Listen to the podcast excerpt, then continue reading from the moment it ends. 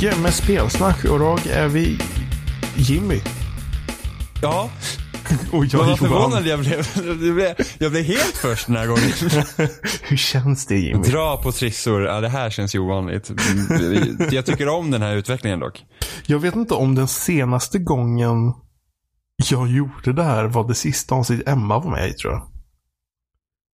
Jag tror faktiskt det. För den gången vet jag att jag gjorde det. Att jag vände om det så att jag var först. Eller jag var sist. Och alla var jätteförvånade och jätteförvirrade.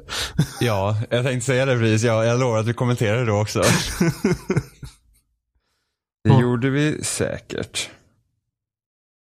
Ja, Det har gått en vecka igen. För de som lyssnar på spoilercasten så har det gått mindre än en vecka. Precis. För mig har det inte gått en vecka sedan jag spelade in senast. Och fixa och dona. Det var ett tag sedan eh, vi gjorde någon typ av spoilercast. Det var, ja, för jag och pratar om det. Vi hade inte gjort en spoil. Jag tror Quantum Break var sista. Det var Har vi, 2000. gjort, har vi gjort på Quantum Break? Vi alltså? gjorde på Quantum Break och det var inte planerat. Det var typ så här, vi hade, både jag och Oliver spelade Quantum Break och så var det typ, åh, vi borde göra en spoilercast på det här och eftersom det är Xbox så är det ingen som bryr sig så var det typ ingen som lyssnade. Eh, Sen, sen, gjorde, sen vet jag att vi har gjort på alla, mycket Telltale-saker var det ju ett tag. ja, Det var ju Telltale Everything typ. ja, och planen var att göra det även på typ tredje säsongen av Walking Dead men det fanns inte tid till det. Planen är väl att göra det på sista säsongen antar jag. Det, ja, ja, ni kan köra, om ni gör det så kan ni ju bara köra någon typ av recap innan också om säsongen innan. Ja, jag, vill- alltså, jag, jag vill inte spela om den säsongen för den var inget bra. Jag tycker inte om The New Frontier. Jag vet inte varför. Jag, men det är sättet, det är sättet Telltale-spel på nu också. Det är liksom annorlunda mot typ första säsongen av Walking Dead. Och, Ja, de har ju ändrat så mycket som företag. ja, det har de. tror jag. Ja, De, har, sagt upp massa folk och grejer också tror jag. det också. Eh, nej, men första säsongen av Walking Dead, det var ju mycket mer så här, det var ju mer som ett traditionellt äventyrsspel satt i liksom Walking Dead-universumet. Mm. Eh, och visst, storyn var ju såklart viktig också. Otroligt viktig. Men, men det kändes inte som att det kändes som att man mer var med den här gruppen människorna och det var liksom Lee och Clementine som var i centrum medan typ senaste säsongen av Walking Dead då fanns det liksom en det fanns liksom en övergripande story som man skulle följa med och inte bara om människorna i den liksom. Eh, det var samma sak med säsong två också. Deras, deras eh, utveckling i spelmarknaden gick överhuvudtaget är rätt intressant om man kollar på Ska vi se, de gjorde först typ Sam Max-spel. Och så gjorde de någon Monkey Island-variant, gjorde de nytt på. Och sen så Mm, gjorde de Jurassic- tillbaka Alltså Ja, gjorde tillbaka till tillbaka till framtiden. Och Ja. de, de var ju liksom tillbaka, framtid, tillbaka till framtiden där. Då var det ju typ, som du säger, jätteklassiskt så här, klicka, klicka, typ gå runt bara och göra saker. Mm. Sen kommer Jurassic Park och det var ju med Quicktime Events. Och det blev jättesågat. Ja, och sen så efter det kom väl Walking Dead tror jag. Ja. Och det har ju också ibland de här typen av quicktime events. Men antagligen så hade de ju finslipat det tillräckligt bra för att de skulle vara lite bättre på det. Ja, det, det tråkiga jag tycker med Telltale-spelen, det märker man när man spelar liksom en annan typ av, liksom, som har i sin tur tagit inspiration av, av Walking Dead, som typ Life is Strange, eh, typ Oxenfree-ish. Sen var det något annat spel som jag inte spelade för så länge sedan, som jag också tänkte att det här känns liksom Telltale, men, men skillnaden är liksom att man får att det, det är mycket mer interaktivt. Du liksom har en värld du får gå runt i och få göra saker medans, eh, medans Telltale, de har ju streamlinat sina spel mer eller mindre så att nu känns det som att du spelar i princip en film och väljer val. Alltså det har blivit, blivit som en så här, jag väljer val, simulator. Eh, så jag spelar ju säsong två av Batman. Och det är liksom alltså många gånger som man, man bara sitter ner och trycker dialoger.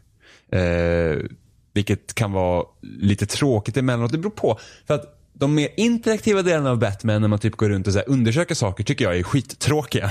när man liksom ska typ, man, man är på någon så här brottsscen och sen ska du typ eh, sätta ihop olika eh, liksom, åh, vad har hänt? Och så ska man liksom länka ihop liksom bevismaterial som man hittar på platsen. Det tycker jag är skittråkigt. Eh, Och det är ju synd. För det går säkert att göra. Inte Ja. tråkigt. Ja, eh, men liksom typ, jag vet att typ i första säsongen av Walking Dead när man fick liksom gå runt på den här ställen och skulle lösa något pussel eller något sånt så fick man ju ofta prata med karaktärerna och sånt där vilket gjorde att mm, det kändes som man man kunde komma karaktärerna lite närmre än, och sen till skillnad från säsong två, då kände jag mig inte alls som att jag kom nära riktigt någon karaktär för då var det så viktigt, liksom storyn var uppbyggd på ett annat sätt för det var mer som en film snarare än liksom Jag borde verkligen spelet. klart. Jag, jag har inte spelat klart första säsongen alltså. alltså, nu vet ju inte jag om Det- så här, the emotional impact skulle vara lika stor i säsong ett som det var när den kom. Nej, men nu det, det, är bara frustrerande. Så här. Det är sådana spel som har börjat på flera gånger och det har liksom aldrig blivit av att spela klart. Så Ja. det, känner jag, det, det där måste jag göra klart någon gång. Hur långt, har du kom, hur långt kom du på Walking Dead säsong Oj, nu ett? ska vi se. Jag kom, jo, jag, jag har kommit till något hus. Där det... Ett, ett hus som har typ en stor omhägnad runt om som är typ snälla och tillmötesgående. Ah, okej, det är på den episoden. Det Eh, var, och det är väl efter motellet tror jag. det där är ju, det är andra episoden. Du är på. Det kan det vara då. Mm. För att det var, för att jag kommer ihåg, för att jag är inte så jätteförtjust i, i Walking Dead tv-serien. Även om jag har sett alla säsonger utom den senaste. Eh, Så jag har sett bara- fram till säsong sex någonting sånt Ja. där. Och den. Och enda anledningen till att jag fortsatt har följt Walking Dead var bara för att första avsnittet på första säsongen var så jävla bra. Alltså det var verkligen så här: wow vilken grej. Och sen har det liksom bara så här, alltså, man, man har kollat när man inte haft något bättre för att göra. Men så kom det här Telltales Walking Dead. Och första episoden kostade typ 50 spänn. Och Oliver hade spelare. Och han bara, men alltså det är helt okej. Du kan ju, alltså det, det är liksom så här, typ bra tidsfördriv eller sånt när man spelar. Mm. Ja, så jag köpte det också. Jag Bara, men det var helt okej. Liksom inget så här mind-blowingly good liksom första episoden. Eh, och det var efter att jag hade spelat andra episoden jag kände så här, alltså det här kan fan vara årets spelmaterial alltså. Om det fortsätter i den här stilen. Eh, vilket det också blev till slut. Jag tror, ska jag säga 2012. Jag satte nog Journey som etta och Walking Dead som tvåa. Det året, på årets spel. För jag, jag har spelat klart... Ska vi se, tillbaka till framtiden har jag spelat klart. Jag spelar aldrig klart Wolf Among Us. Åh gud, Wolf Among Us också fantastiskt. Uh, jag har Vilket Xbox... Ja, ja, vad sa du? Det ska komma en andra säsong av Wolf Among Us. Eh, men det var innan de la av en massa folk. Så jag, vi har, vi har Ja. inte hört någonting sen det utannonserades. Så jag har Nej. ingen aning om det blir någon Wolf Among Us. Alltså, jag, jag, jag tror att de fick lite växtverk. Alltså att det blir större, större, större och sen så började säljsiffrorna plana ut. Ja, för att det är inte lika så här hett längre när, de, när det kommer ett Telltale-spel. För att de är mer eller mindre likadana. Och just när de har pumpat ut så mycket så är också kvaliteten lite så här. Mm. Ja, och, så, och sen så, jag tror att det är svårare för dem att leva på icke...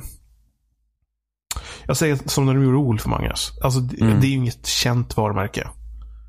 Eh, Nej, eller... eh, jag tror det kanske bara det exemplet jag hade där, men eh, som ett, Ja. ett inte känt varumärke. För att, man tänker, typ, jag antar att Minecraft-spelet har nog gått Ja, bättre. det har nog gått bra för att det fick inte nog med att det så, första säsongen var ju så fem avsnitt. Sen tror jag fick typ tre bonusepisoder och sen har det kommit en andra säsong. Så att ja, Minecraft har nog Mm. Ja. gått väldigt bra för Så, dem. så jag tror att när de tar de varumärkena som är väldigt kända. eh, och eh, då, då tror jag att folk liksom snubblar liksom in på deras spel. Eh, bara för att de vill ha mer av något. Mm. Sen får de Ja, nog svårare när det är saker som inte är lika stora. Förmodligen därför, för Batman säsong två fick ju en ganska, eh, alltså det kom ju en andra säsong av Batman rätt så fort. Men till exempel Game of Thrones vet jag att de hade bekräftat redan innan första säsongen kom att det skulle bli två säsonger. Men den har ju inte fått en uppföljare än. Där, Eh, kan, s- där kan det ju vara att den publiken inte bryr sig om den typen av eh, produkt. Alltså möjligt. att, att den här liksom stora massan av Game of Thrones-tittare bryr sig inte om något picka-klicka-spel ifrån Telltale. Fast samtidigt så liksom att det är så många som tycker om Game of Thrones. Eh, så att, och, och, och jag kommer ihåg när de utannonserade att de höll på med Game of Thrones. Det var ju liksom peak Telltale. Det var när de var som hetast. Och folk Mm. bara såhär, oh my god, Game of Thrones. Liksom, det passar som handen i handsken. Och sen valde de en så pass tråkig tid. Liksom, så spelet utspelar sig i samma universum som tv-serien. Och så har de med massa så här cameos från vi gjorde spoilercast på Game of Thrones också. Eh, kommer jag på nu. Men så har de en massa cameos från, eh, från karaktärerna. Liksom som Daenerys är med, Jon Snow är med, Tyrion är med, Cersei är med. Massa liksom. Och det är bara det typ, ibland känns ju de karaktärerna inte ens som de karaktärerna är på tv. Så det var ju så här, typ, alltså typ man kommer till Daenerys i Game of Thrones, så man så här, vem är den här personen? Det här är ju inte samma Daenerys som vi har liksom i tv-serien. Det här känns helt avigt. Medan typ Cersei och Tyrion fungerar jättebra. Uh, Jon Snow är typ skittråkig. liksom, han, Alltså folk kommer hata mig. Alltså jag tycker Jon Snow överlag har varit en ganska Ja, men han tråkig är karaktär väl en ganska tråkig. Alltså, Ja, att in- han... Inte de senaste säsongerna. Då har han faktiskt varit, alltså när han verkligen har liksom fått växa in sig i sin roll nu. Liksom han, han, han är ju typ en av liksom huvudrollerna om man ska säga så. Så är han bättre. Men liksom i början, alltså de första säsongerna så tycker jag att han är rätt så trist. Han var inte roligare i Telltale-spelet heller liksom, om man säger så. Ja. Jag gillar Jon sen- Snow, det är inte det men. Sen så vet jag, gjorde de inte Guardians of the Galaxy? Gjorde de va? Jo, och av någon jäkla anledning så köpte jag första säsongen, eller första eh, avsnittet av den serien utan att ens tänka på det. Och var Ja. så här. varför köpte jag det här? Alltså vad fick mig? Alltså bara så, oh Guardians of the Galaxy och Telltale, match made in heaven typ. Jag har ingen aning, men jag, jag, jag körde hela serien och den var helt okej. Det var liksom så här. Eh, Där, tänk, alltså- där, tänk, där tänker jag också att de borde ha fått lite sålda exemplar just eftersom det hela de här äh, Marvel-maskinen. Ja, alltså Telltale hade ju varit en sån studio. De hade ju kunnat göra typ Avengers-modellen i deras egen liksom eh, spel. Alltså om vi säger att de hade tagit fyra Marvel-karaktärer och sen gjort sin egen Avengers av det. Liksom att du har fyra säsonger som alla leder upp till en, stor en säsong med Avengers. Det hade funkat liksom för dem. Mm. Men jag vet inte om folk hade varit så himla peppade på att faktiskt köpa alla dem heller. Liksom. Nej, vi- vi- det är ju det problemet det. där. Ja, för det är synd för att, för att jag har sett typ så här när man ibland läser forumdiskussioner, så bara, ah, hade man inte kunnat typ göra en Avengers för spel? Att man liksom gör x antal spel och sen har man liksom en stor mashup. Och det är liksom, det är ju en he- det är ju ännu mer sinnessjuk grej än vad faktiskt Marvel Studios har gjort med filmerna idag. För att, att göra ett spel är ju så mycket mer komplicerat än att göra en film. Till den magnituden, känner jag. Mm. För att då Jo. har du inte bara, du har liksom, okej, inte, inte för att göra lätt på arbetet det Marvel har gjort med sina filmer, för det är också helt insane. Men tänk att göra det med spel. Jag tror inte så att, jag tror inte så att det ekonomiskt är Jag, jag, hållbart. tror, jag tror väl om det skulle ha gjorts i något format så tror jag att Telltale-formatet hade varit mer görbart. Mm. Det- för och att liksom- då hade det varit liksom kortare liksom stories som leder till en annan kortare story typ. Liksom, för det Ja. hade inte gått att göra extrema stora. Och hade man gjort det, man hade ju, vi säger att man nu hade liksom lekt med tanken att göra det idag. Då hade man, ett, du hade inte kunnat haft en studio som gör alla de spelen. Nej. Utan då måste du ha fyra olika, vi säger fyra, vi tar fyra serier då. Vi hade fyra studios som arbetar på varsitt spel och sen gör man en mashup. Men alltså, hur ska det, det, det går ju inte heller. Det låter ju också helt eh, tokigt. Så, så säg nu liksom att Spider-Man skulle vara en del av typ framtida Avengers. Liksom att då hade vi kanske fått, om Spider-Man i år, säg att vi skulle få typ ett annat superhjältespel nästa år. Sen kanske om vi har tur får man två spel de två, eh, det kommande året efter det. Och då är vi inne i 2020. Är vi va? Ja. Jo, 2020. Precis. Då har vi fått fyra spel säger vi. Och sen ska vi ha ett stort Avengers-spel kanske 2022. Men hur ska du blanda alla dem? Och då har du flera olika studior. Alla använder liksom, kanske, visst de skulle kunna använda typ samma tech. Men liksom, det, det, att planera det för spel, det är, jag, jag tror inte att det är möjligt. Inte på den magnituden man förväntar sig av en AAA-studio. Nej, jag tror inte det. Alltså, återigen, jag tror man får gjort det liksom på en avskalad... eh, Mm. ett, ett mini... ett mini-Avengers liksom. Ja. Grej liksom. Men... eh, Och då skulle det ju funka med en kort. Men tänk dig typ. Alltså man skulle ju kunna göra något så här, så här kort litet spel men ändå kunna ha typ AAA eh, liksom kvaliteten då så att säga. Eller kvaliteten kanske är dumt ord. Men, men så att man har liksom att det, det ser det ser ut som en stor budgetproduktion men Ja. kanske mindre skala. Och då tänker jag typ som Ninja Theory när de gjorde Hellblade. Alltså de kallar det. typ trippel A indie, något så här dumt. Eh, men det, det, är liksom, det spelet tog kanske två, tre timmar att klara ut. Och då har du liksom en kort story. Det hade man ju kunnat göra. Men samtidigt så här, ja, du har något simpelt fighting system eh, och man, man går rätt så mycket i det så det är liksom så här walking simulator-aktigt. Eh, och då tänker jag så här, ska du ha superhjältar liksom planera ut massa spelmekanik till det, till bara använda en sån kort stund. Jag vet inte om det är gångbart heller. Eller, eller att man gör de här korta snuttarna, kanske har en två, två, tre timmars spel. Eh, och sen när du kommer till då Avengers-produktionen, då blir det en stor produktion. Liksom av, av en större magnitud. Men då har du liksom de här små, vad ska man kalla dem, episoder som introducerar varje karaktär. Det hade kanske kunnat funkat. Men, det är ju faktiskt ett Avengers-spel som är under utveckling. Som Square Enix håller på med. oj. Alltså ett... Ja, eh, alltså ett riktigt. Avengers-spel.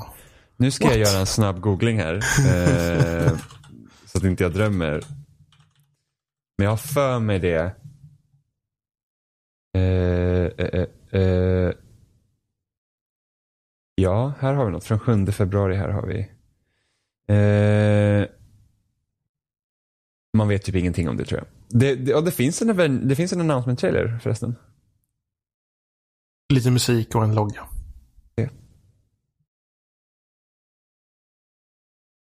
Ja. Det, ja, men det, ja, men såklart. Vad är det med? Det är Crystal Dynamics som gör det. Ah, Nu ska vi se. just det. För de, eh, de gör ju inte nästa Tomb Raider. Tum- nej, precis. Vi har några glasögon där. Tors hammare där. Där har vi Iron Mans handske. Där är Caps sköld. Så att det är förmodligen kommer de ju använda sig av typ de hjältarna som finns i nuvarande Avengers. Okej, inte Infinity War men typ första. Så här, det blir ju Iron Man, Thor, Captain America. Om inte den där typ trailern visar på att åh, de här hjältarna har fallit så skapar man ett nytt Avengers. Jag vet inte. Men de håller i alla fall på med ett Avengers-spel. Så det, den delen är på väg. Då undrar jag lite hur man skulle typ göra ett, nästan ett Avengers-spel. Alltså, Jag, jag, alltså man har väl följt... Alltså De- att det, det, kan ju, det är svårt att göra det kopplat till MCU.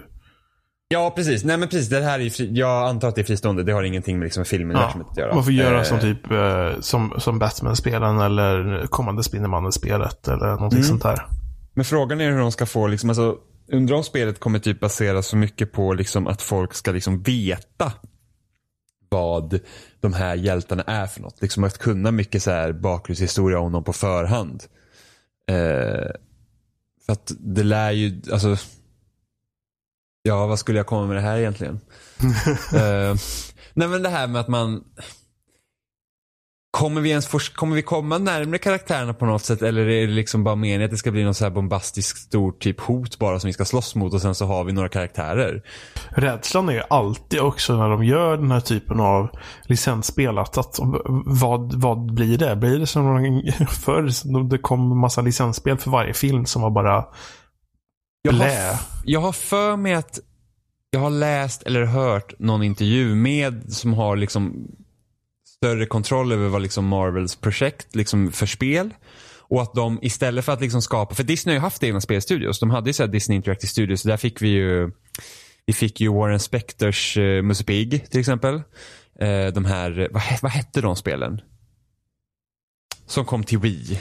Med, man var Musse Pig och så målar man. Åh gud. Epic Mickey.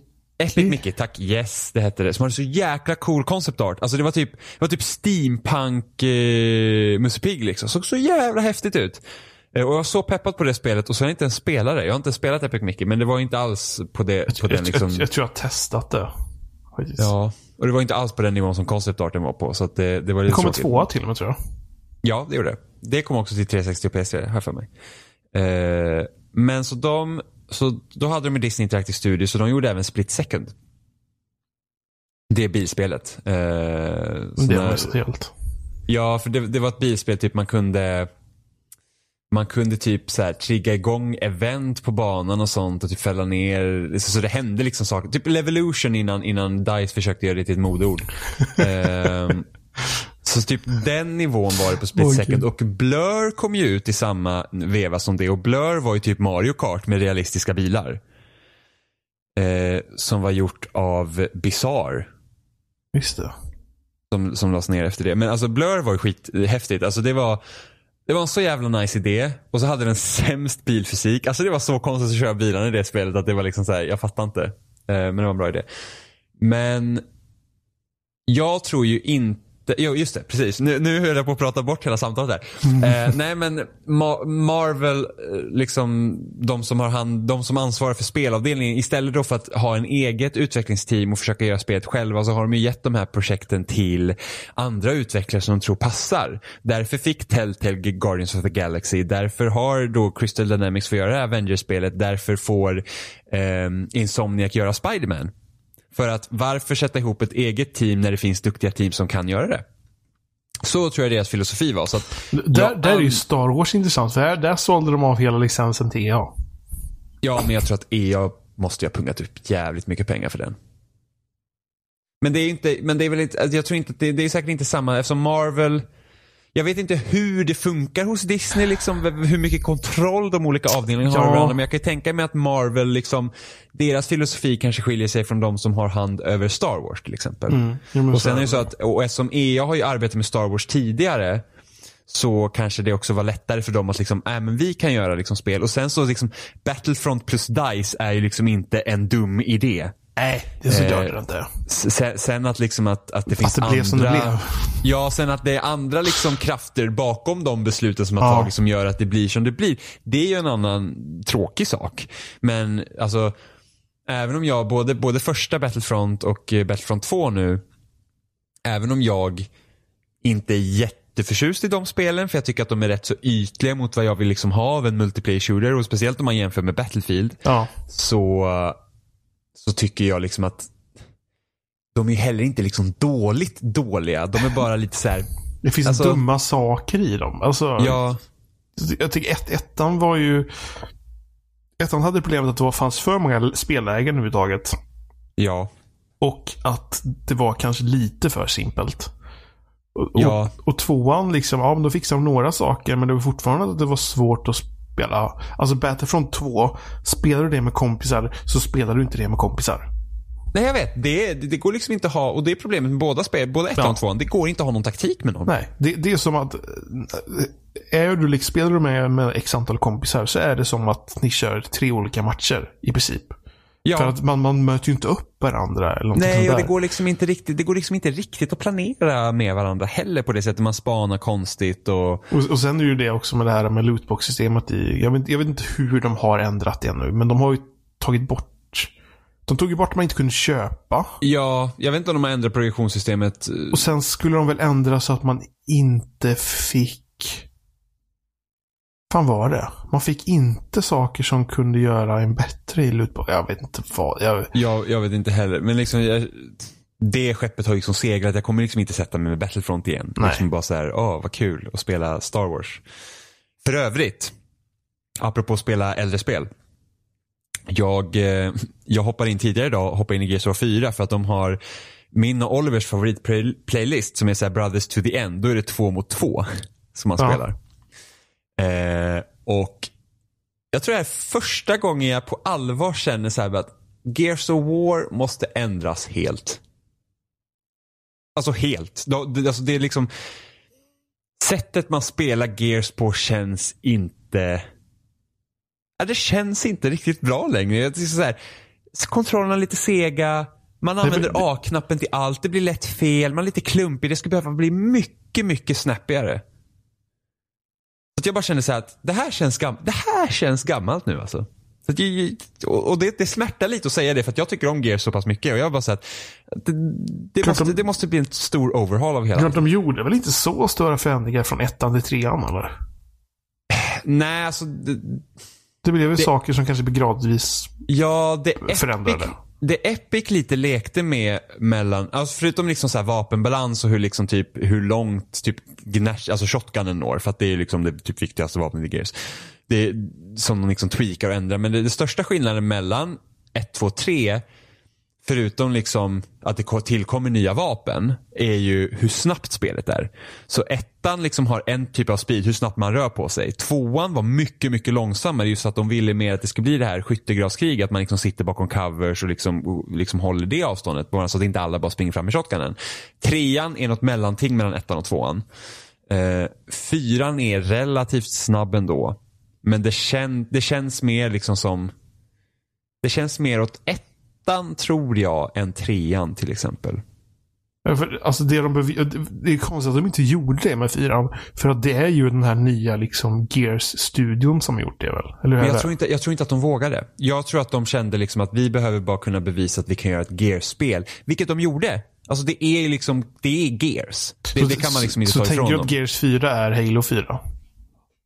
Ja, fast Halo 4 De, de gjorde ju massa nya saker där. Halo 4 gjorde de en del nya saker med mycket och speciellt i multiplayer där det inte blev ett bra resultat. Eh, I Halo 4 då. Så de ändrade ju en del grejer men det var också liksom ett bevis att de kunde göra ett Halo-spel för att Halo 4 känns fortfarande som Halo. Ja. Gears of War 4 känns verkligen som Gears.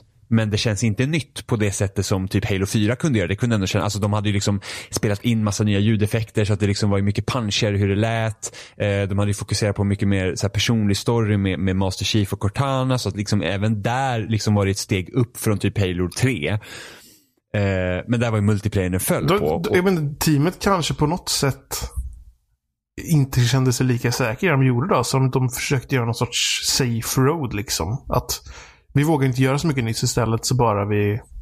jag, jag, jag tror att det är så, men det är bara att fyran fick så bra kritik så jag tror det finns liksom ingen anledning för att ändra den när femman kommer. Så att jag tror att femman kommer inte ändra mycket alls. Det kanske känns bättre, men jag, sk- jag skulle vilja ha en fundamental ändring av systemet nu. Alltså det måste bli, det är nästan så att säga att det ska inte vara Gears längre. Men ändå satt i typ Gears universum. Det är typ på den nivån jag är just nu. För att jag, jag känner, att- alltså den där serien, jag, jag kommer liksom tappa intresset om den helt och hållet om det fortsätter på den nivån. Och, jag, och de flesta som säkert tycker om Gears och liksom säkert älskar fyran, de vill inte ha det. De vill ju ha det där. Eh, så att ja. Men jag personligen kände bara så att okej, alltså det, Det den här serien. det är ändå 84 i Metacritic. Ja, jag vet. Alltså, så, något, när Halo 5 recenserades och det var jätte, alltså. Det Halo 5 föll på var ju kampanjen. Liksom att storyn var inte speciellt bra, kampanjen var sådär. Och det var liksom ändå ganska unisont på liksom, det mesta liksom av kritikerkåren. Mm. Medan när Gears 4 kom, så det recenserade jag också för loading och då var jag ändå ganska ensam om att tycka att kampanjen inte var bra. Jag tyckte verkligen att kampanjen inte var bra, men jag gillade multiplayern. Eh, och multiplayern är det ju inget fel på. Eh, de, den är ju bra i fyran. Jag tycker inte att den är, den är inte lika bra som den var i trean, men den är fortfarande bra. Men nu känner jag bara så här personligen så här att jag, alltså ett spel till som, som är så det här, det är liksom, alltså det har spelat ut sin roll känner jag. För Det är väldigt väldigt intressant att kolla på eh, critic score på det här spelet. För att det håller sig alltså mellan 80 och 100. Och sen kommer några sidor här där som heter typ 50-60. Mm. Dragit ner det. Mm. Jag hade ju nog gett, alltså, hade jag liksom satt en siffra på GSO 4 så kanske 6 eller 7 tror jag. Ja, Det är alltså, egentligen s- bara multiplayer som väger upp det. Alltså sifferbetygen är ju svåra överhuvudtaget egentligen. Ja. Alltså, och, och en sexa för mig är ju...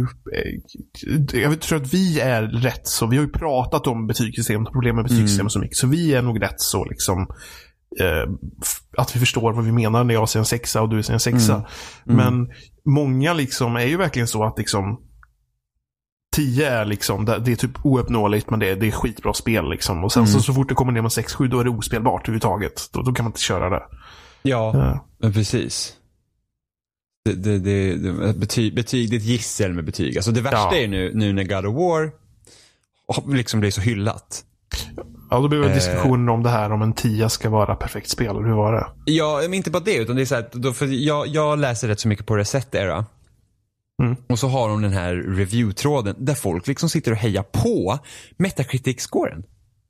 Och det är liksom, det är helt sinnessjukt för mig hur man liksom kan sitta som, som det vore en så här jävla fotbollsmatch eller lag eller vad som helst. Liksom att, ah, typ att bli arga för att det kommer en sida och så sänks snittet för att de har liksom gett ett betyg och liksom bara, ah, nu är vi uppe på 95 igen, fan vi kan verkligen göra det här. Och man säger bara, varför bryr ni er? Alltså ni har ju ingen anledning till att bry sig. Om de som på Santa Monica sitter och liksom hejar på Metacritic score, det är inga konstigheter för de har gjort spelet. Det är klart de vet så många som Ja, möjligt ja. ska gilla det. Och att Men det som- blir en sorts säljsargument också. Liksom. Man googlar på Ja. spelet och då hamnar man på Metacritic och så ser man att det är liksom 100 Ja. och då är det liksom, åh det här måste jag köpa.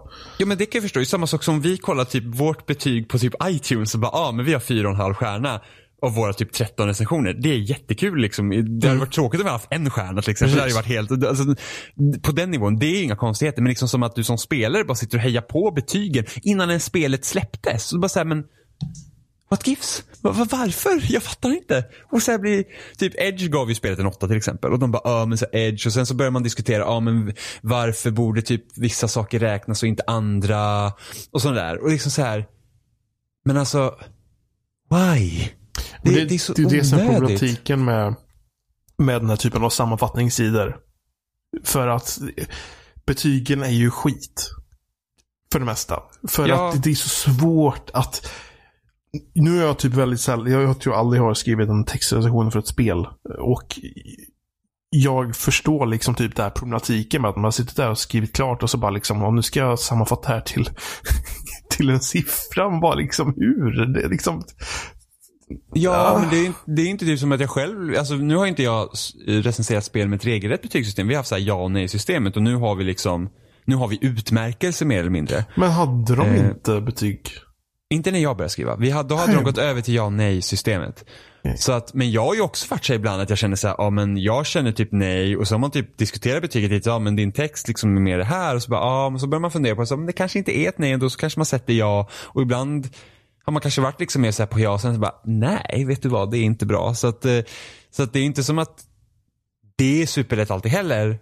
Jag har många gånger varit så att jag kanske, ibland kanske jag liksom är lite hår, liksom har försökt vara lite hårdare och sen så bara, nej men alltså, liksom, och så, så lägger man upp text för feedback och så diskuterar man så bara, men det här känns inte som ett nej av vad du har skrivit. Och så börjar man tänka igenom så här, bara, okej, omformulera mig. Eller så här, tycker jag verkligen att det är ett nej på grund av de här grejerna och kan inte det här typ väga upp? Eller liksom, är det här dåligt för genre? Ja, men det finns massa olika variabler man kan tänka på. Mm.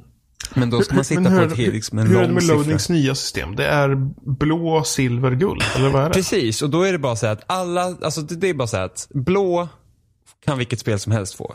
Liksom det, det, blå, blå är blå. Liksom. Det, det är inte så här att får ett spel ett blått så är det dåligt. Utan då är det så här, det, det är ett spel. Det kan vara bra eller dåligt.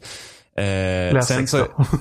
ja men precis, det är liksom lästexten. Är, är, det, är det ett fantastiskt spel, då får du liksom silver. Det, liksom, det här spelet är riktigt, riktigt bra, då får du ett silver. Och, och liksom guldutmärken, det är verkligen att det här spelet får du inte missa oavsett vilka spel du vanligtvis brukar spela. Men det här, det här ska du bara spela.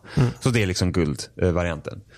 Eh, så så det, blir, det är lite mer som typ Ja men det blir som en ut... Det tror jag, om det är Game Informer som har det. Eller om det är Eurogamer. Eurogamer tror jag det är. Så där liksom de har texten och sen så, finns det typ, ja men så här, åh, rekommenderat eller typ mm. och månadens spel eller något sånt där. Så det, är liksom, det är mer så det fungerar.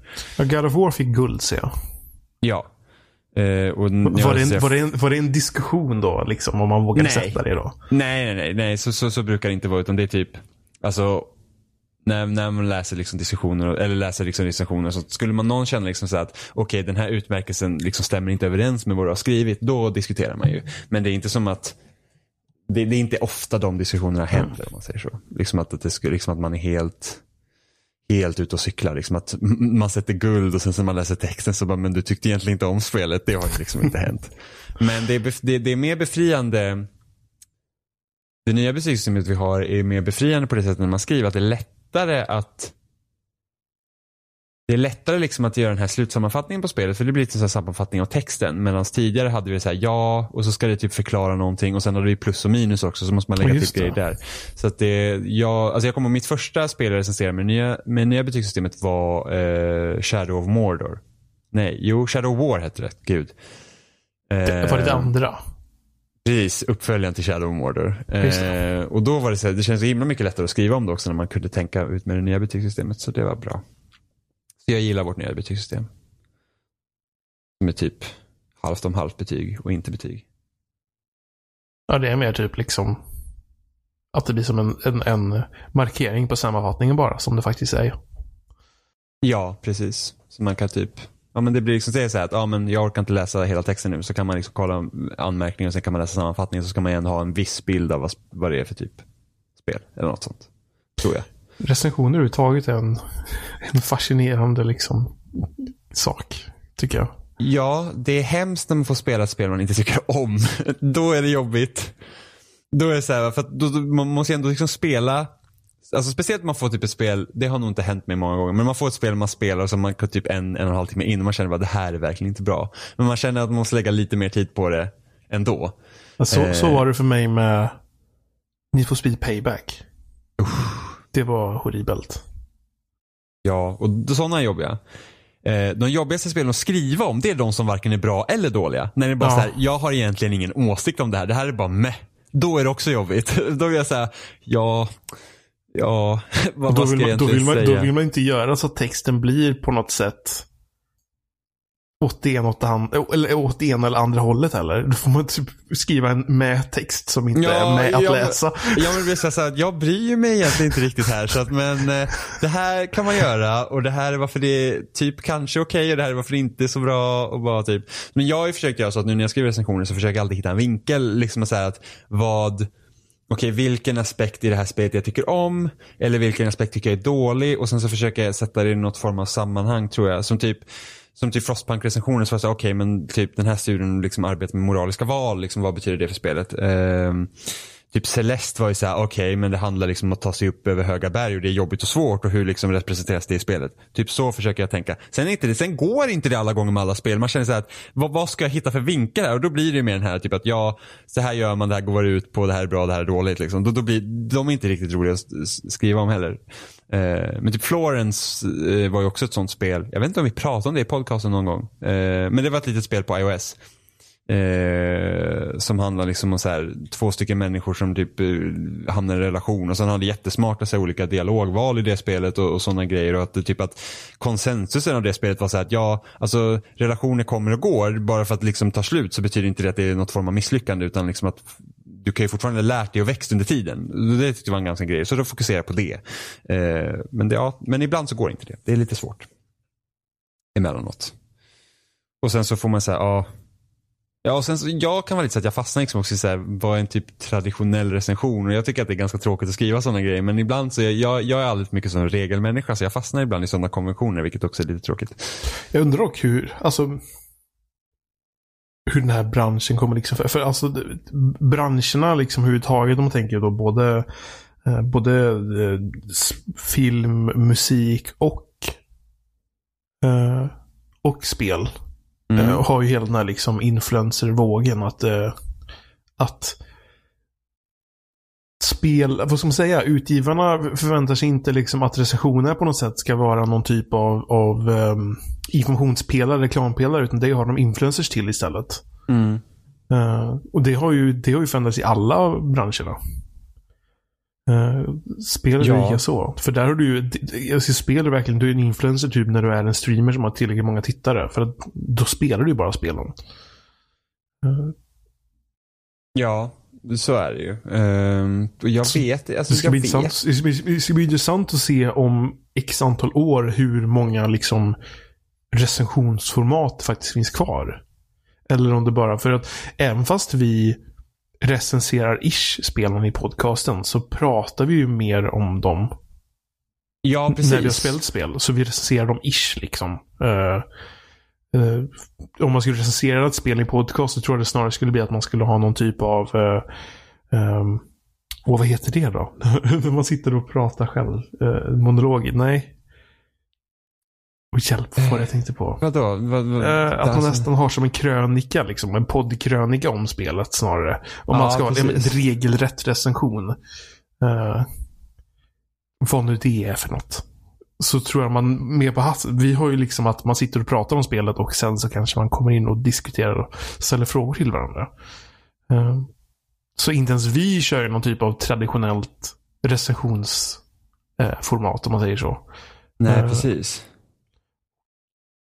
Det ska bli intressant att se. Säg om tio år. Hur mycket liksom recensioner är det överhuvudtaget? Ja, men samtidigt så finns det ju massa sådana här eh, typ, alltså det finns ju sådana som liksom gör grejer på på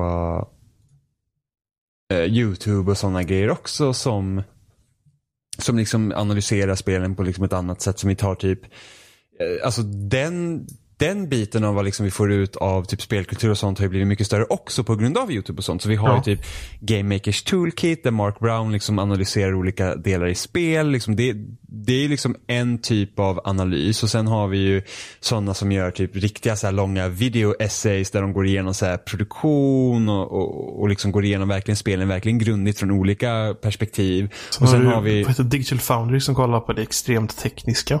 Och... Precis, och sen så har vi typ, kan vi ha folk som så här eh, Feminist Frequency som liksom gör feministisk kritik på spel eh, och kollar liksom på den biten och då kanske det inte handlar så mycket om det spelmekaniska utan det är mer så här, vad säger spelen? Eh... Men det är också intressant för där är det ju snarare, säg att i när vi växte upp och vi läste typ Superplay eller typ Level eller någonting sånt där. Mm. Alltså jag vet inte hur Level var, men, men Superplay hade ju det där klassiska liksom typ grafik, ljud. Eh, alltså de Mm. hade liksom så här subbetyg i, i betygen.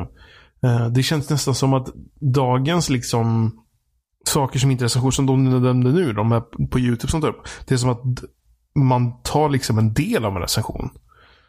Och Mm. så fördjupas de inom det. För man säger att i en recension skulle du kunna nämna den, den feministi- feministiska biten, könsroller eller någonting sånt där. Att spelet känns daterat på det här. Eh, Medan då uh, Feministiska tar upp liksom det mer djupt och bara zoomar in på just det området. Eh, Mm. Så det känns ju som att det har blivit att istället för att eh, följa en person liksom så här. Du, du läser en recension för få reda på massa saker, inklusive typ det tekniska, hur spelet funkar. Eller Då kanske du bara kollar eh, till ett Foundry idag istället. Eh, och så vill du få reda på något annat så kollar du på något annat ställe. Mm. Eh, Så det, det blir tråkigt också om det blir så extremt uppdelat. På samma gång så är det extremt lättillgängligt och du betalar ju inte för att kolla på en YouTube-recension så du betalar för att läsa en tidning för. Så det kanske Mm. inte blir ett problem heller för ehm, Nej, alltså, sen kanske att alltså, recension, alltså recensionens roll kanske liksom att spela ur sig lite. Liksom att, att är det är det faktiskt recensioner vi vill ha mer av eller vill vi ha andra reportage? För typ, jag kan inte komma ihåg senast att jag till exempel köpte en level för att jag ville liksom läsa en recension. Utan jag köper level Nej. för reportagen. Eller, men som, som, som till exempel Fienden, Johan. Din och min favorittidning of all time. liksom den, alltså det är den bästa speltidningen jag har läst. ja. men de, Alltså, de, det- de skrev ju historier. Ja, precis. Och det, det är liksom riktiga reportage och där har du lite den här vinkeln liksom att men ta den här eh, Carl-Johan Martinssons text. Visst heter han Carl-Johan Martinsson? Oh, Gud, det här är så... Eller heter han Carl-Johan Johansson? Ah, jag kommer inte ihåg i alla fall. Han, alltså en av de bästa liksom, eh, speljournalisterna som, som har funnits liksom över oavsett liksom vilken, eh, alltså vilket land, det är inte bara för Sverige utan liksom för, för världen om man säger så. Eh, och hans text om Pathologic i fienden nummer två.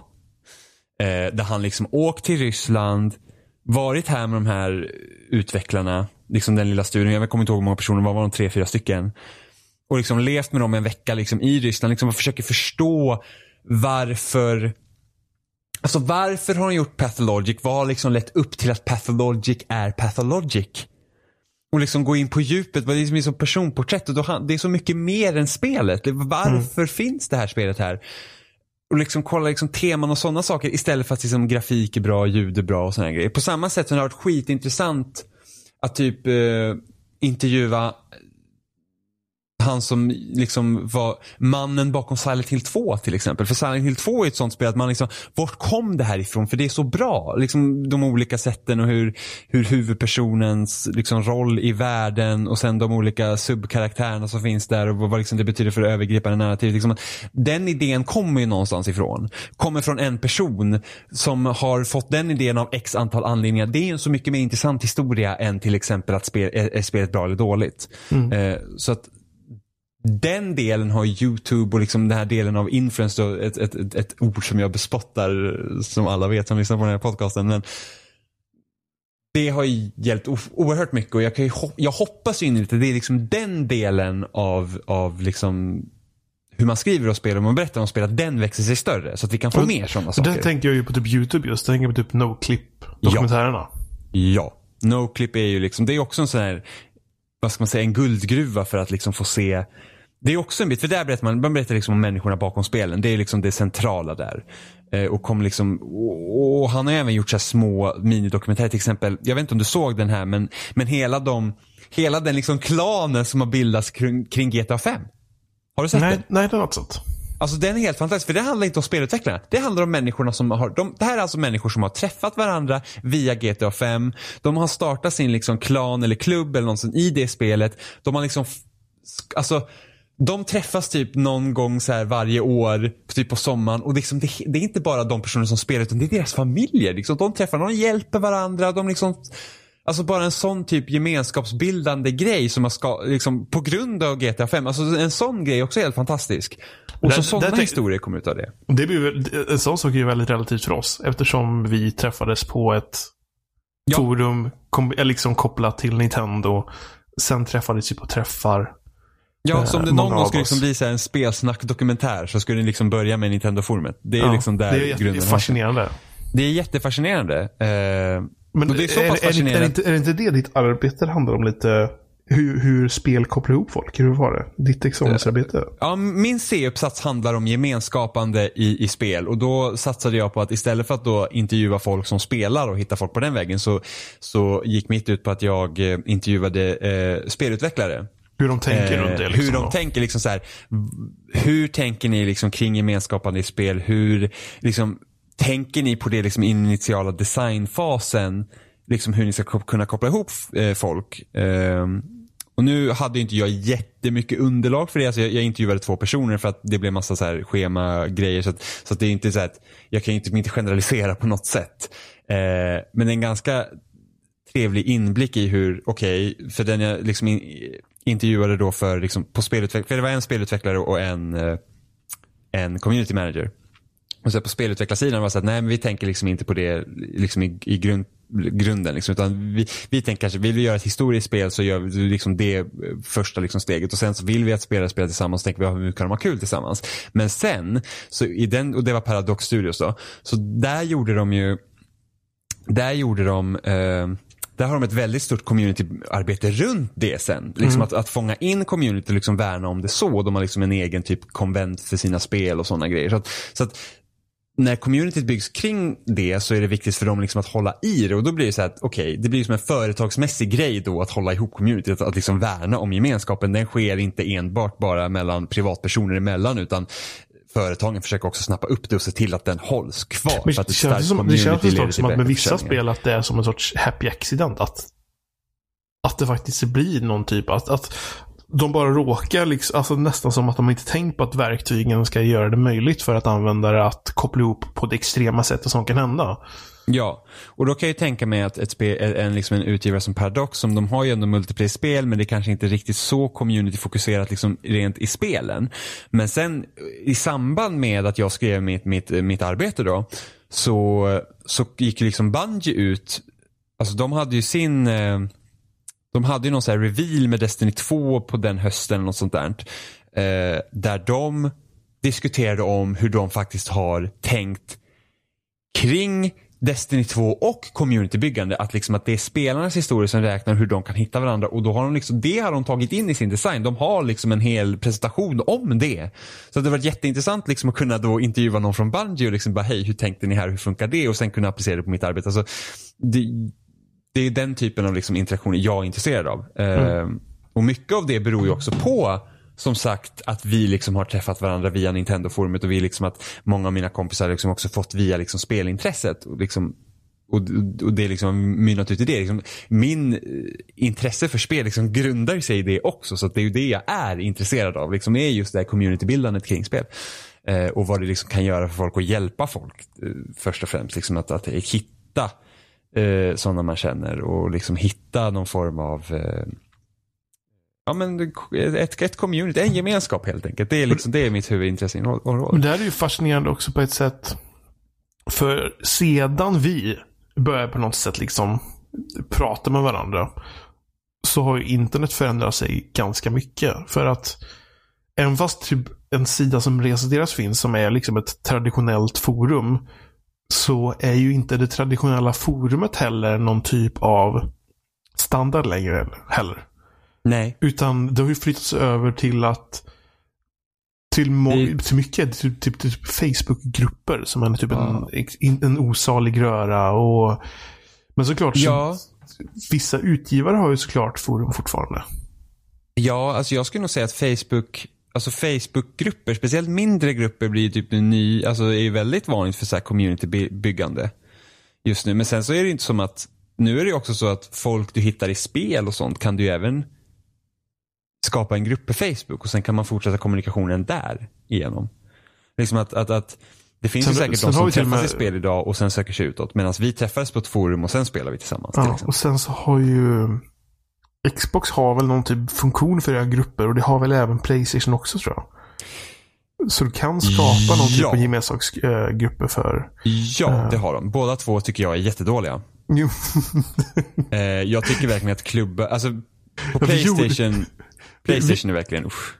Vi gjorde någon typ av klubb. Jag tror att Robin har försökt att, att återuppliva den brottet också på Xbox. Mm. Att vi gjorde någon sorts spelsnack. och Vi fattar inte ett skit. Vi har typ en bild på Halo typ i bakgrunden. Och ingen av oss hittar vart man ändrar bilden. Och det här, LOL. Det, man kan säkert göra det via datorn eller någonting sånt. Det, datorn går det inte. Nej. Om det inte är via webbläsaren då. Vi har testat Xbox-appen hittar ingenting. Ja, det är jättemärkligt. Nej, men det, det är lite synd det här med community på konsolerna för att det är fortfarande det finns en outnyttjad potential i att faktiskt ha ett, ett forum på konsolerna. Eh, och där är faktiskt Nintendo någon som har lyckats mest, bäst och det var med Miiverse. Alltså Miiverse var en helt fantastisk grej som jag inte Och det är förstår. borta. Och det är borta. Jag vet och jag förstår inte att de inte ville ha och bygga vidare på det. För att det var helt otroligt. Alltså bara det att man kunde liksom dela bilder med varandra som man hade målat. Alltså det var helt fantastiskt. Varje spel har liksom en egen subgrupp. Jag tror att typ att jag tror så här New Super Mario, nej New Super Luigi U eller något sånt som det hette. Det, det typ hijackades på Wii, eh, på Wii U för att bli någon form av så här, ja, prata om vad som helst på det här forumet för att det typ ingen som modererar där. Liksom bara sådana sjuka grejer och vi hade inte fått typ så här why can't Metroid crawl om inte det faktiskt var möjligt att få hjälp där på en gång. Största problemet med konsolerna har det är det att det, det, är inte, det är inte smidigt att navigera med en gamepad. På de där Alltså, grejerna. alltså, det måste ju, alltså det går ju att lösa. Problemet är väl att det är ingenting som någon vill lägga ner energi på. Nej, för, och förmodligen för att det finns liksom, du har Facebook, du har Reddit, du har eh, liksom andra saker. Men alltså, Men, det, men det är så tråkig bortförklaring också. ja. Det är som Ja. Nintendos bortförklaring med um, multiplayer-chatt i Brawl, tror jag, på, på Wii. Att liksom, det ja, du, du kan ha en dator bredvid med Skype, typ. Ja, alltså den filosofin har väl gått lite igen med deras här chattlösning på Switch. Ja, det, det, det, känns som att de, ja. ja Men sen det, kom ju faktiskt, de, de släppte ju faktiskt den här Wii Speak eh, till Wii till eh, Animal Crossing City folk. Just det. Jag hade de den. Jag var ju så peppad på att skaffa Animal Crossing City folk med den där Wii Speak alltså, men eh, det, det hände inte. Vi fick aldrig en vit- vitality sensor dock. Nej, eller hur? Alltså det var typ, alltså vad hände med hela det projektet? För att det här, Men var inte det, var inte det typ i, i samma sväng som de kom med Borden och Wii Music och hela den där? jo, och jo det var, ju, men det var ju då de gick åt skogen totalt. Jo, men samtidigt så har de det här. De hade ju något projekt de startade för, jag vet inte hur många år sedan det är nu. Det, det känns inte som att det är jättelänge, men det är så här, Nintendo Quality of Life skulle ju vara liksom en line-produkter de skulle skapa någonting i. Och där tänkte man att där hade Vitality Sensor passat in. Men vi har inte hört någonting mer från den.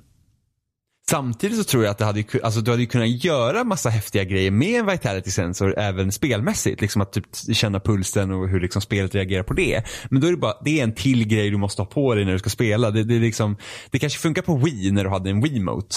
Men liksom, det funkar inte med en gamepad riktigt tror jag. Här är det ju intressant för att eh, Apple har ju lyckats ganska bra med smartklockor. De är ju de av, eh, av de här smartklockortillverkarna som faktiskt har lyckats relativt bra. Och den har ju typ en inbyggd pulsmätare som kollar liksom med intervaller. Funkar den bra då?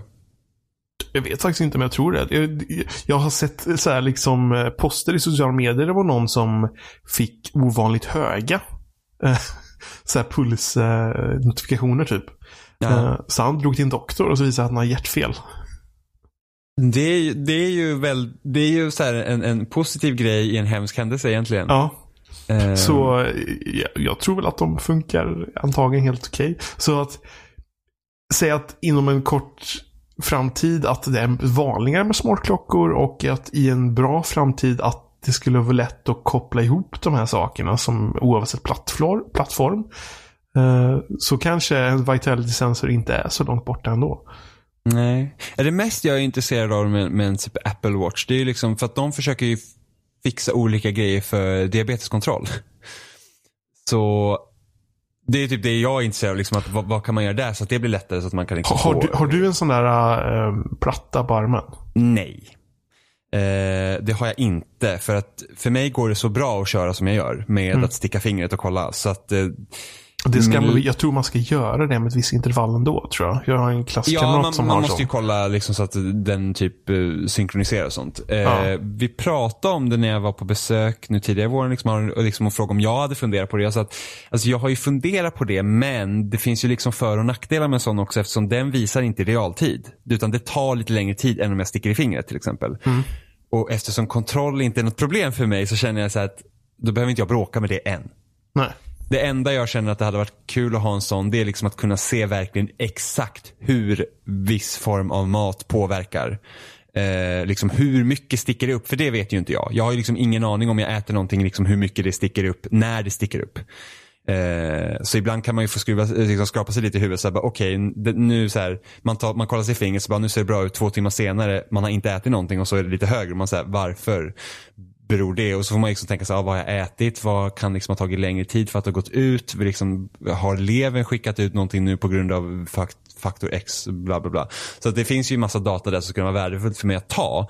Men jag känner att så länge jag liksom kan sköta kontrollen med, på det vanliga sättet så gör jag det. Så slipper jag ha någonting på mig. Det är en intressant sak överhuvudtaget. För där har ju i väldigt många år så har man delat upp det på typ 1 och typ 2.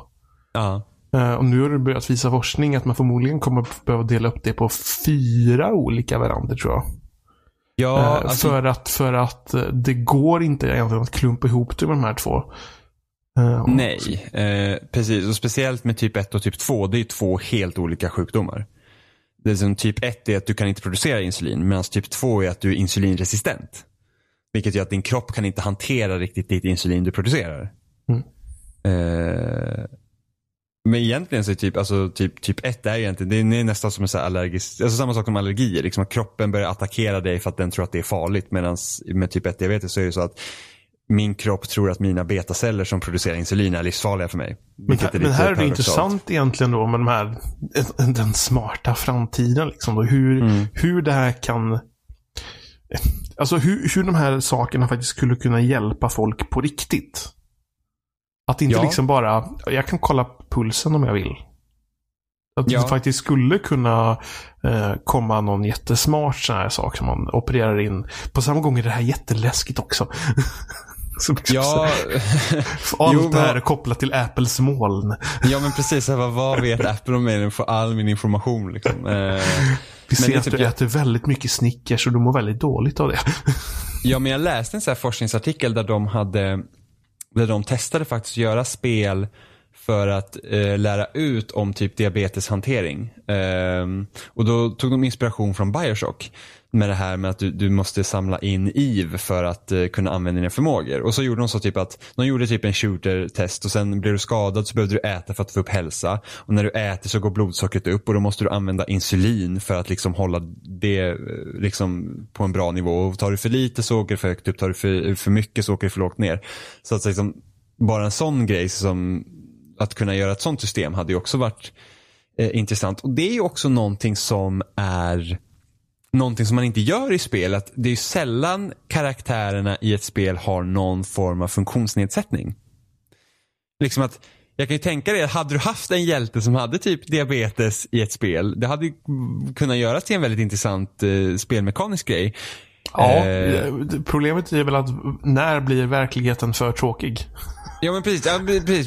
Det, det, är typ det som Far Cry 2 kritiserades för. För då hade ju huvudpersonen malaria så du behövde typ hitta vaccin ja, och, och grejer. och vapnen gick sönder konstant. Ja. Eh, men så tar man typ uh, Wolfenstein 2 nu som kom i höstas. Då, I början av det spelet så sitter du i rullstol. Och det var ju så en skitspännande grej för att då måste du liksom tänka på banorna annorlunda. Du kan inte liksom göra vanliga saker. Utan du liksom, okej okej här är en trappa, jag kommer inte upp den. Nu får jag använda en sån här jävla conveyor belt för att liksom åka upp på sidan. För att det är så man måste ta sig runt. Att annars, ja, jag sitter i en rullstol, vad ska jag göra? Eh, så att där finns ju också massa outnyttjad potential att faktiskt undersöka hur man liksom gör i spel. Här, här tänker jag på konstiga speldiskussioner jag hade med klasskamrater eller hörde andra klasskamrater hade eh, om spel när jag gick på typ kan ha varit högstadiet eller till och med mellanstadiet. Då man pratade Mm. om typ så här liksom, tänk om eh, det här var ju testosteronpojkar. Så det var ju liksom, åh, tänk om i, i CS typ att eh, man kunde bli skjuten i benet så tappar man benet och så eh, men man liksom kunde typ halta vidare liksom och fortsätta liksom så här eh, groteska saker. Men det var ju någon typ av efterfrågan av verklighet i spelen då på Mm. något sätt. Eh, Men det har ju inte kommit för det hade ju varit liksom en tråkig verklighet som bara blev, kom i vägen för spelet. Eh, Jag tror det kom någon så på early access, typ något så andra världskrigets spel där du faktiskt var så att de försökte med realism att blir du skjuten i benet så haltar du. Eh, det var typ under toppen av så här DayZ när det var mycket så här survival på, på, på kartan. Och det var liksom så att, ja, alltså du, blir du träffad så dör du i princip. Alltså det är livsfarligt den som blir skjuten med en kula så folk liksom låg runt och kampade och grejer. Eh, så att, så att jag tror inte att det skulle bli någon så kommersiell framgång. Nej. Men, typ mindre, men samtidigt vet man ju inte. Alltså, vem hade trott typ att så här, Battlegrounds-konceptet skulle Ja. bli så pass stort? För att det är ju en person kan vinna en. Om man nu tänker en traditionell. En. Sen, sen går det till ett steg till och tänker typ VR. Och om de liksom lyckas lösa det här med typ haptisk feedback med västar och saker. Och, jag vet inte om du har Alltså- sett um, Ready Play One? Nej, jag har inte sett den. Men jag vet Ja. vad det är för någonting. Ja, nej men så att liksom, där tror det ett steg till. Eh, och för där är det ju när man pratar om någon typ av verklighetssimulering. Mm. Eh, så, så där är det väl någonting man efterfrågar. Men, det är inte, jag tycker det intressanta är på något sätt, spel försöker ju i viss mån efterlika någon typ av verklighet. Mm. Men någonstans så hamnar ju, är ju verkligheten ett hinder för, för spelet. Antingen spelmekaniskt, att det, det går inte efterlikna, eller eh, att liksom det blir för tråkigt. Mm. Men det är som Rockstar säger när de designar städer. Liksom. De bara, vi, vi gör liksom karikatyrer av riktiga städer för att riktiga städer är egentligen jättetråkiga. Så du kan inte göra en rak av... Men det är många, det är många liksom som är...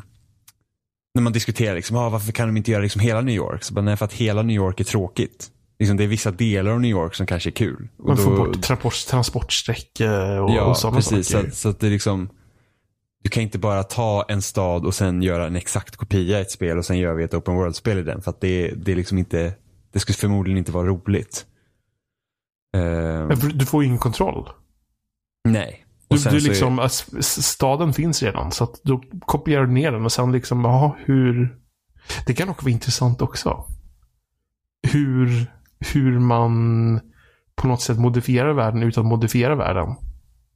Om du Ja, man, man modellerar en rak stad. Eh, vill man ta en stad helt Ja. och hållet liksom. Och sen så bara, hur gör vi den kul?